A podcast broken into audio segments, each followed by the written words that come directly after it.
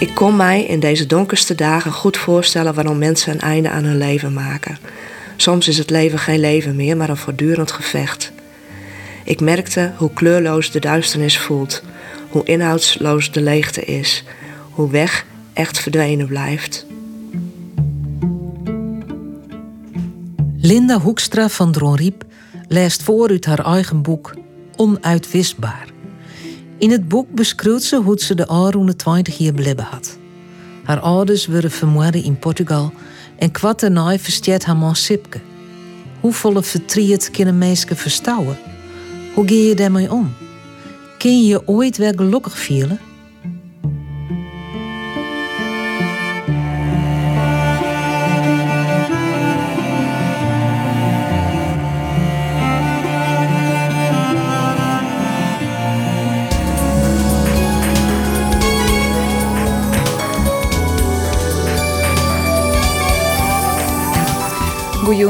In Portugal vermoorde echtpaar uit mijn naam is naar alle gedachten sneun om het leven gebracht. Dat zei het woordvoerder Diez Santos van de politie in de Algarve.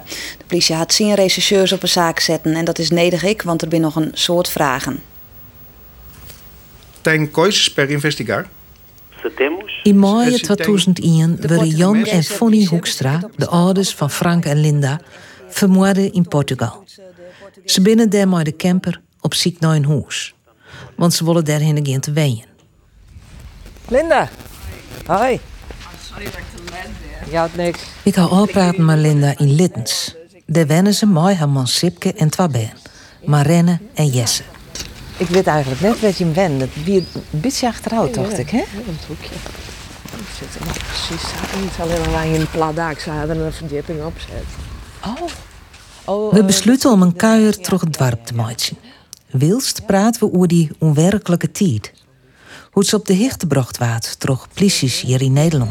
En eh, op een dag eh, stond, kwamen er twee man voor de deur. En het bleek de recherche van uh, Haas te wezen. En die vertelden dat mijn uh, er weer. Dat ze naar Portugal gingen om de lichaams te identificeren. Toen uh, ben we dus op, op uh, verzoek van de politie uh, in Portugal erheen gegaan. Want we moesten dus als ik identificeren. Frank en Mona, zijn vrouw. En Sipke en ik en mijn oom en tante, de oudste broer van mijn huid. Die bij mij was. En nou ja, daar hebben we foto's jongen van die ouders. We hoorden ze net in het echt te identificeren, want dat zou dan te, mhm. te erg wezen. Uh, dus toen wisten we werkelijk dat het uh, mijn ouders waren. Maar het verhaal, dat wisten we nog steeds net. De politie wist via Dat er al gauw twee mensen oppakt waren. Een man en een vrouw. Maar gelukkig een week later ben de daders al uh, oppakt. Die hier werden een oor echtpaar in het vizier, maar. Ze voelen het plan nog een keer uitvoeren. Want ze waren gewoon op Jeelt uit. En hoe het proces, een uur na de moord. Linda en Sipke binnen erbij. Dus dat best er in die uh, rechtszaal. En uh, wij moesten daar wachten tot het proces beginnen zou. En ik daar uh, probeerde ze een voorstelling van te maken. Hè? Van, goh, zullen ze hier al zitten in de zaal? Of hoe, komen ze binnen? Zou dat via een achteruitgang wezen? Dus wij staan daar wat. En toen er niet is, toen kwam er een groep meisjes de trappen op met politie. En uh, dan wordt het het eerst even een paar per minuut of seconden zult wezen. Voordat ze in gaten naast dat dat de, uh, de dierders uh, wien. Dus ik kwam gewoon daar de trappen op. En je dacht zoiets van wat gebeurt hier? En die werden toen in die rechtszaal zetten. En uh, wij moesten nog steeds wachten. Dus ik denk dat die rechters nog komen moesten en dat soort dingen. Die keer werd de rechtszaak uitsteld omdat het psychologische rapport van de vrouwelijke dierder er nog net wie. Er komt dus een tweede rechtszaak, dat Linda ook weer bij is. Even voor de aanvang van de zitting kwamen twee witte busjes aangereden. Vincent werd eerst uit het busje gehaald. Hij zag er precies zo uit als de vorige keer. Delphine kwam uit het tweede busje, gekleed in een zwarte broek en een donkerrood overhemd. Weer voelde ik enorme woede, met het verschil dat ik nu een wapen had. Toen Delphine langs me liep, duwde ik de foto bijna letterlijk in haar gezicht. Kijk wat je hebt gedaan, schreeuwde ik herhaaldelijk. Het voelde goed. Eenmaal in de rechtszaal bleven tante Henny en ik de foto's voor onze borst omhoog houden. We wilden dat de daders, de rechters en alle aanwezigen de gezichten van mijn ouders zouden zien. Ze moesten meer worden dan twee namen in een krantenbericht of twee slachtoffers in een trieste zaak. Meer dan oud nieuws. De tegenpartij maakte bezwaar en de rechter maande ons herhaaldelijk de foto's weg te doen. Uiteindelijk gaven we gehoor.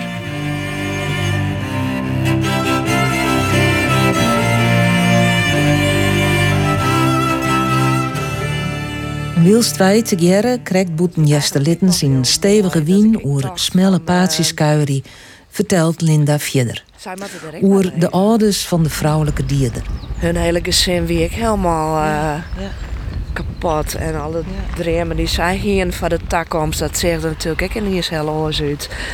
En zij hier gewoon, ik heel soort verdriet. Zij moesten eigenlijk ik huisje nemen, hè? Van Dat ze 24 hier cel kregen haar, maar alweer vrij ben. En toen hiek ik wel even zoiets, toen we letten weer op het strand zitten van hé hey, frek, nou kan ik haar dus ik het liever in, hè? Want ik heb geen idee waar ze nou is. En wat dan? En dat het dreig weer om mijn zang grut en onvoorstelbaar verlies om te gaan. Ehm, ik denk die onwerkelijkheid had heel lang door. Dat, het, wil, het wilde gewoon net in. Dus ik denk dat, ehm, volgens mij wie het in december, dat wij ehm, uh, Christen inkepen was gewoon. En uh, we ronden in die HEMA. En toen realiseerde ik me dat ik geen cadeautjes van mijn HTMM uh, keepje koer. Dat was die Christ net met hun virus zoon. En toen voor het eerst had, had ik echt gold. Maar tot die tijd eigenlijk net. Het, het wilde gewoon, nee, het, Nee. het wilde gewoon, het is gewoon heel onwerkelijk. Het had heel lang door voordat het eh, werkelijke gemis eh, komt. Ik had heel lang zoiets van, van nou die vakantie had nou al lang genoeg worden, ze maar nou weer thuiskomen. En dat het net slag het om na het proces de trieën weer op te pakken. Linda Haman Sipke viel hem net goed. Heel wat eh, les van zijn schouder, dat is heel erg. Maar ja, spanning dachten wij nou. Logisch. Dus wie er net meer en wie een, correct verhuizen. En we moesten zoveel dingen regelen. Wie een bijdek uh, naar je baan. Dus wie een heel soort verhoringen.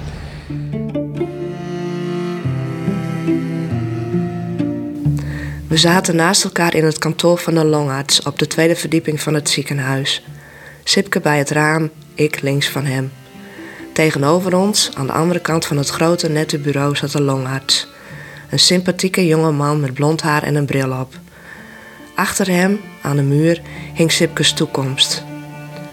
We waren gekomen voor de uitslag van een hele reeks onderzoeken en keken nu naar het resultaat van de botscan.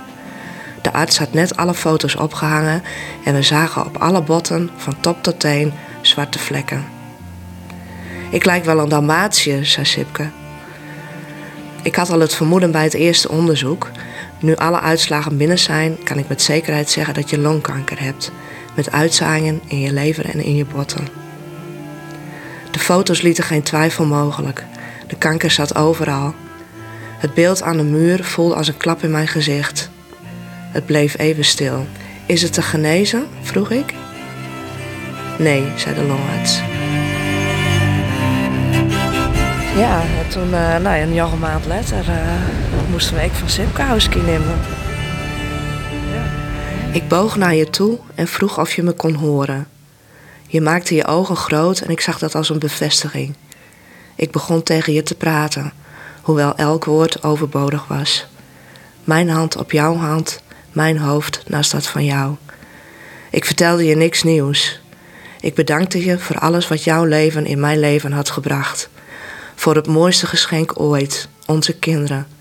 Voor alles wat je had gedaan om langer bij ons te blijven. Voor je liefde. En ik zei dat je moest gaan. Je had erop gewacht. Zodra ik de woorden had uitgesproken, werd je diepe ademhaling oppervlakkig. Je buik ging niet meer op en neer. Ik schrok, drukte in paniek op de bel voor de verpleegkundige. Ik pakte het mondkapje dat nog naast je bed hing, ook al kwam er geen zuurstof meer uit. Je ademhaling stopte. Je hart klopte nog zwak door. Ik schreeuwde: Nee! Je ouders kwamen de kamer binnen. Jij ging. Voorgoed. En het was goed.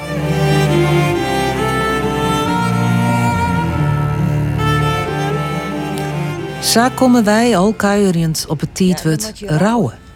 Hoe doe je dat? Vreegt Linda haar al. Ja, dat wist Hoe ik dus. Nee, ik wist het net. Ik wie... ehm, ik ga altijd heel sterk... En dan kom ik nou pas achter, ja? Heel sterk eh, het gevoel gewoon van... eh, ik, ik met normaal weer. Ik wil heel graag mijn normale leven weer waarom.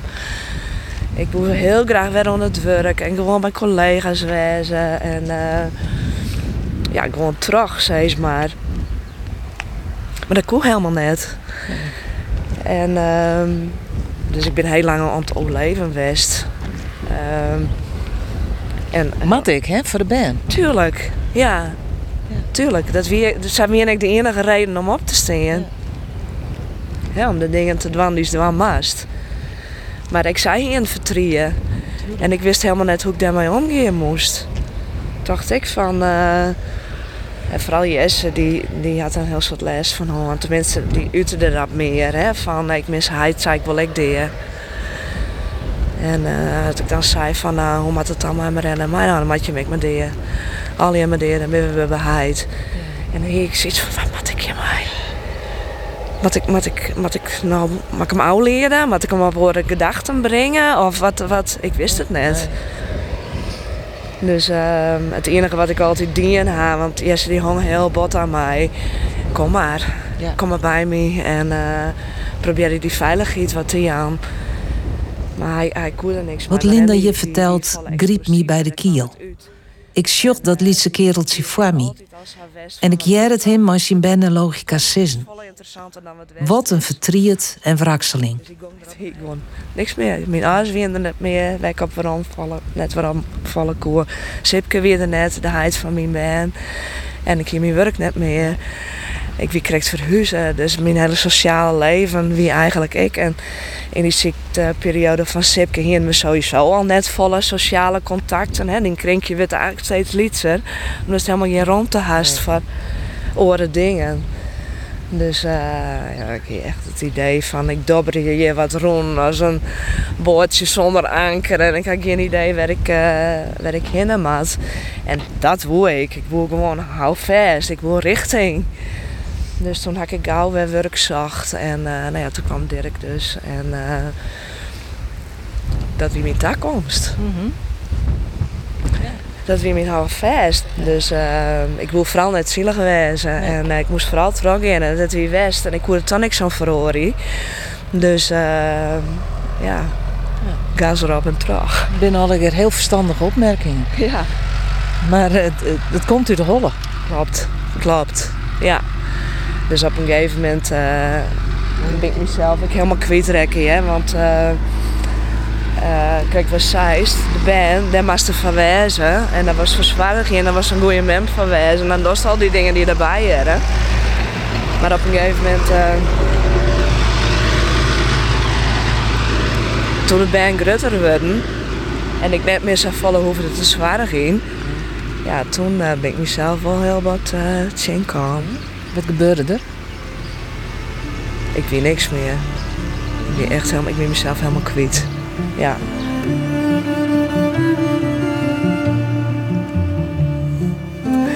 Ik was vervallen in eenzame ledigheid. Hoewel er veel lieve mensen om me heen waren, zou niemand kunnen begrijpen hoe ik me voelde. Ik was verwikkeld in een worsteling waarvan alleen ik de verliezer of winnaar zou kunnen zijn. Gevangen in mezelf en niet bij machten om de bevrijding te vinden. Ondanks dat ik gewoon naar het werk ging, het huishouden deed, zelfs mijn sociale verplichtingen vervulde, was ik er niet bij. Het leven voltrok zich als een film waarnaar ik zat te kijken, of een toneelstuk waarin ik een rol speelde. Ik deed niet mee, niet echt.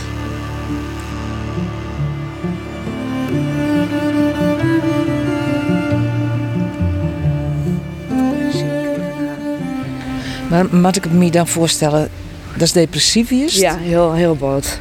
Ja. Ja, nou ja, ik ben bij die haptonoom geweest, maar ik ben ik nog uh, bij twee psychologen geweest. En ik kan een kraan. Uiteindelijk is er een dokter die haar antidepressiva jouwt. En lang om let gaat het beter, zo vertelt ze. En 20 jaar na de moord op haar ouders schreeuwt ze een boek. Onuitwisbaar. En ik denk dat dit boek van mij ik iets is van, uh, ja, dit ben ik. Met alles wat erbij is. En, uh, en dat moet ik van mezelf ook accepteren. Ja. En wat is een betere manier dan uit te met al die schaamte die ik blijkbaar hoorn heb. Ja, let het er dan maar hebt weer wezen. Ja. Ik hoef me net meer te verstoppen. Dit is wie ik ben. Ja.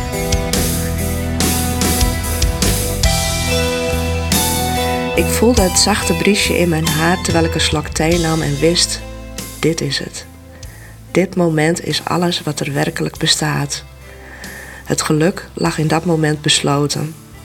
Vroeger is geweest, later een belofte. Sipke is 44 jaar geworden. Mijn moeder werd 52 en mijn vader 54. Ik ben ouder dan zij alle drie zijn geworden. Hun later is mijn nu. Nu is alles wat er is.